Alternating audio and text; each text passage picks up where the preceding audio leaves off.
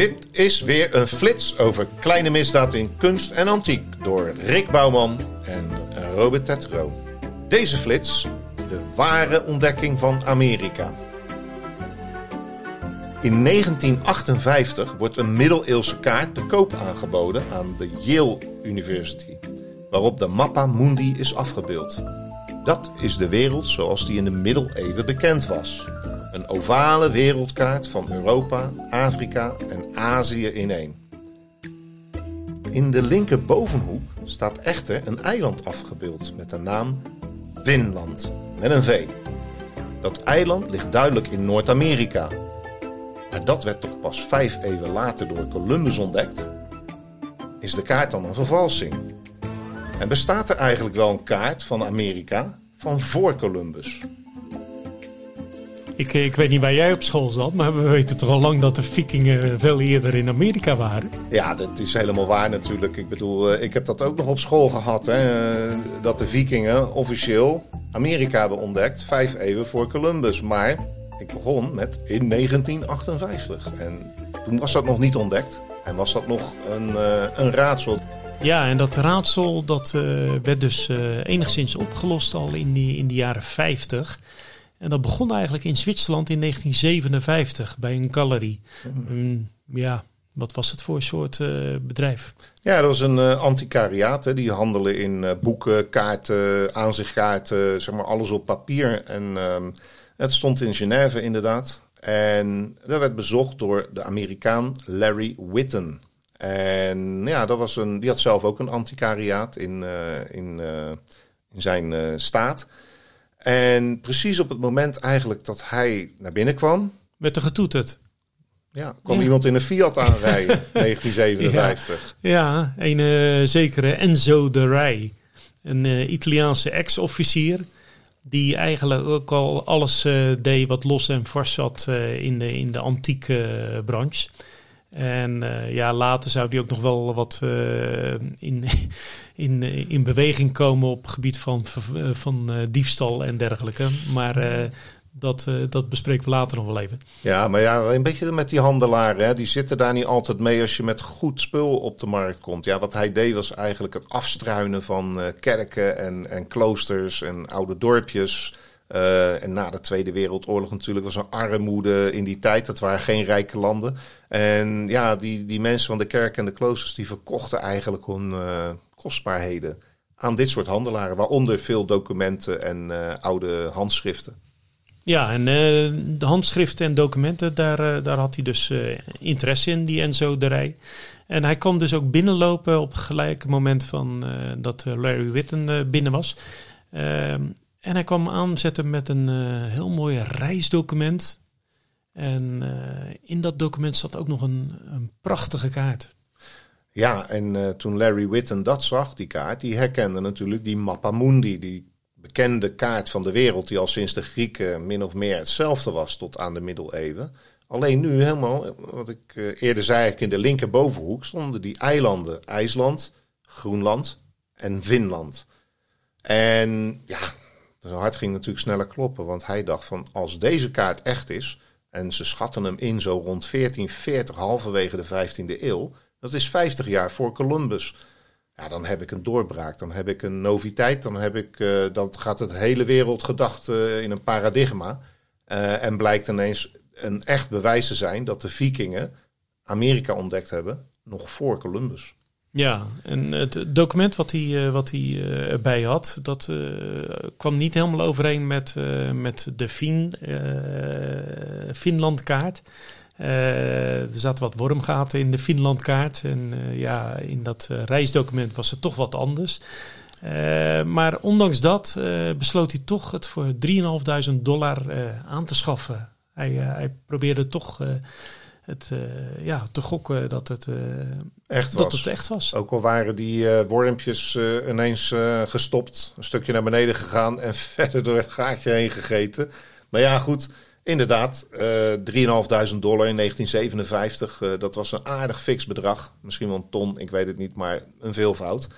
En eenmaal thuis en terug in Connecticut liet hij het natuurlijk zien aan zijn vrienden vrienden van de Yale University die daar was, maar ook vrienden van waarmee hij gestudeerd had en andere antiquariaten. En twijfel en verbazing alom, inderdaad, maar ook voorzichtig. Voorzichtig zeker, maar een van zijn vrienden, die kreeg een paar maanden later, uh, kwam die in het bezit van een reisdocument. En ja, toeval of niet, maar uh, de wormgaten waren, waren gelijk. Dus dat hadden ze gezien, maar van wie heeft hij dat uh, gekregen dan? Nou, hij had het gekocht in, in, in Groot-Brittannië bij een, een galeriehouder. Dat waren Davis en Orioli, heette dat bedrijf.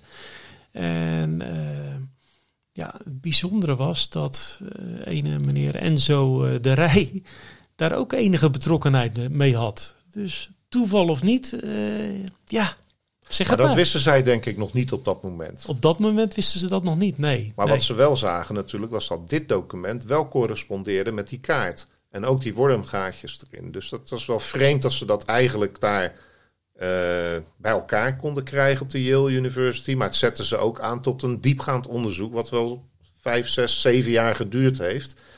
En toen kwamen ze met een uh, heel belangrijke mededeling voor de hele wereldpers.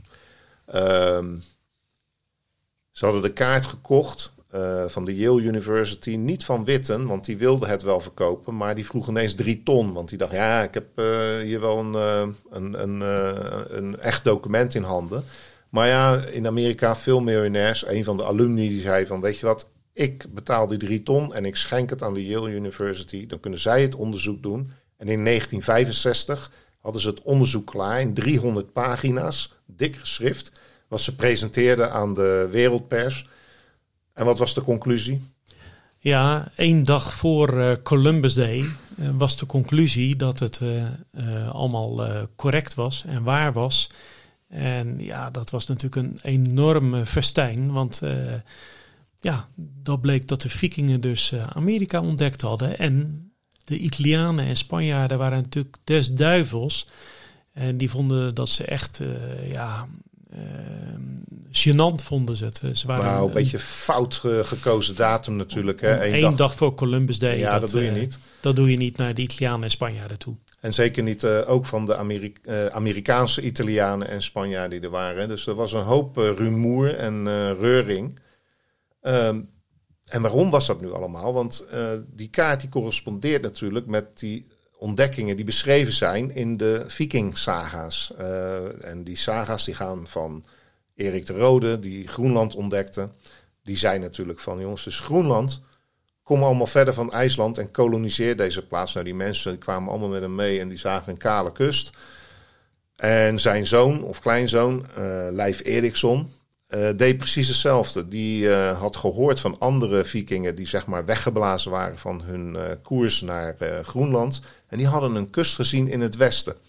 En hij dacht, nou ja, als er een kust is, dan moet daar ook land zijn. En dat heeft hij inderdaad ontdekt. En hij was de eerste viking waarschijnlijk volgens die zagen en legende die voet zette op Amerikaanse bodem.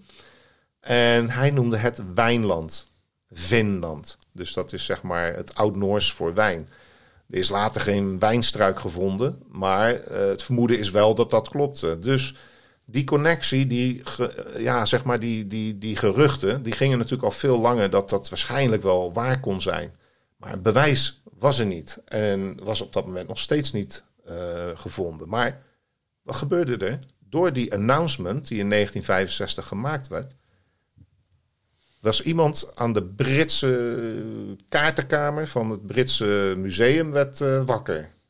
Die werd wakker, want die uh, ging even terug in de tijd. Want die was in 57 was die al uh, benaderd door uh, ene meneer Enzo de Rij, onze Italiaanse Fiat-coureur en ex-officier.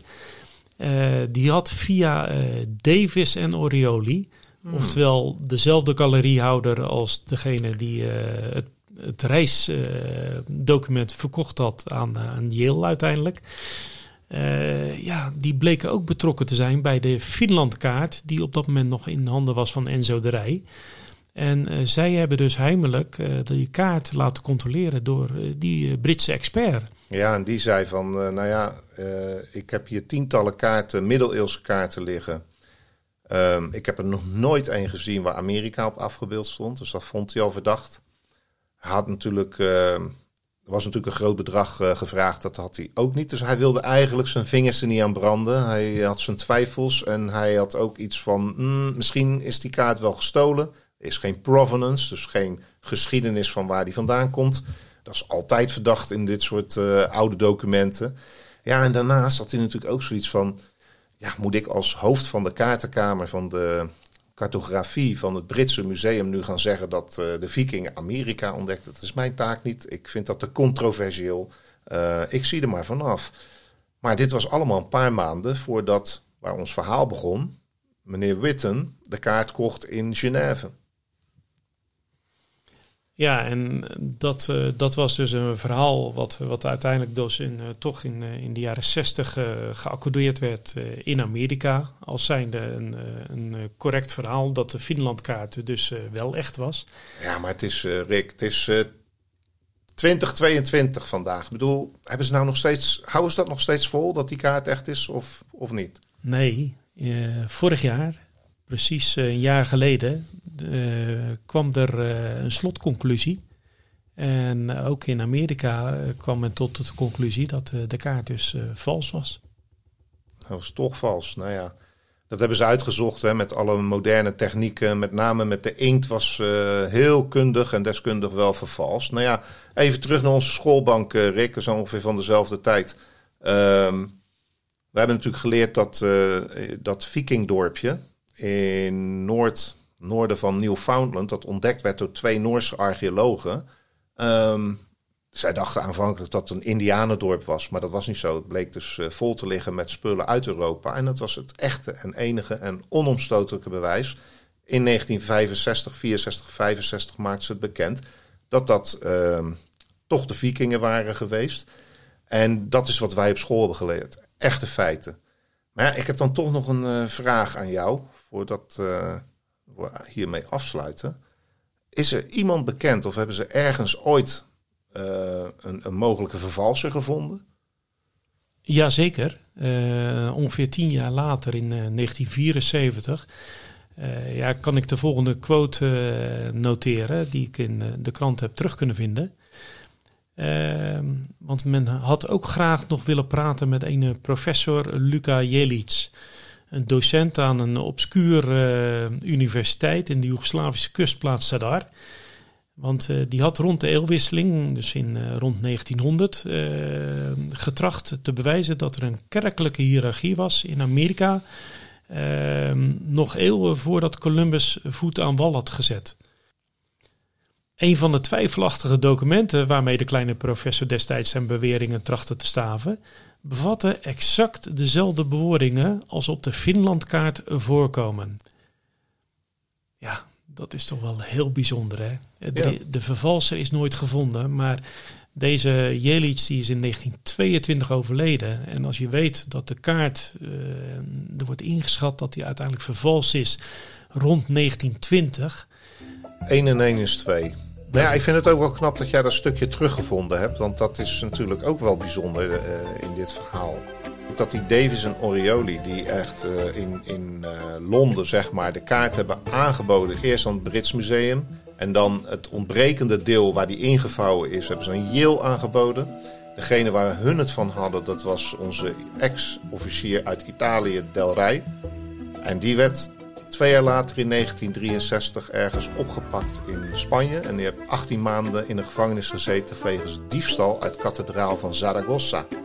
Dus ja, als die nu misschien die Joegoslavische professor heeft gekend, dan zou het uh, verhaal helemaal rond zijn. Hè?